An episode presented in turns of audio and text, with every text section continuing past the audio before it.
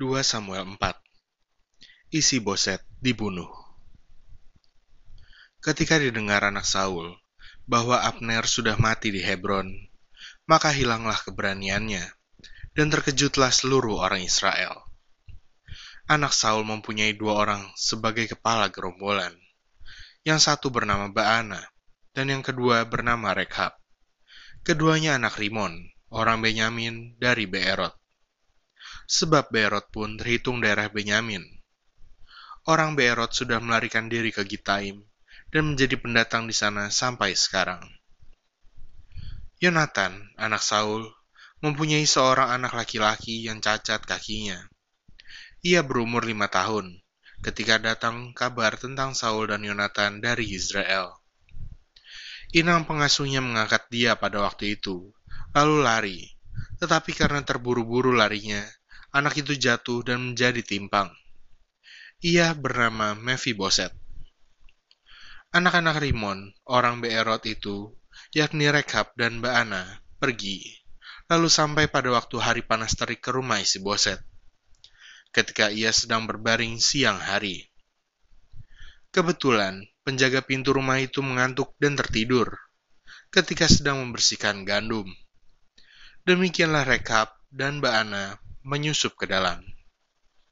Mereka masuk ke dalam rumah itu ketika isi boset sedang berbaring di atas tempat tidurnya, di dalam kamar tidurnya. Membunuh dia, lalu memenggal kepalanya.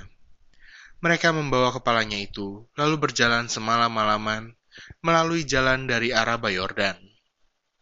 Kepala isi boset itu dibawa mereka kepada Daud di Hebron, dan mereka berkata kepada raja, Inilah kepala isi boset, anak Saul, musuhmu itu, yang ingin mencabut nyawamu.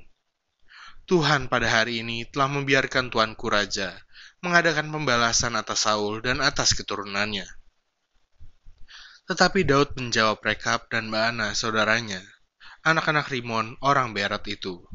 Katanya kepada mereka, Demi Tuhan yang hidup, yang telah membebaskan nyawaku dari segala kesesakan, ketika ada orang yang membawa kabar kepadaku demikian. Saul sudah mati, dan memandang dirinya sebagai orang yang menyampaikan kabar baik, maka aku menangkap dan membunuh dia di Ziklag.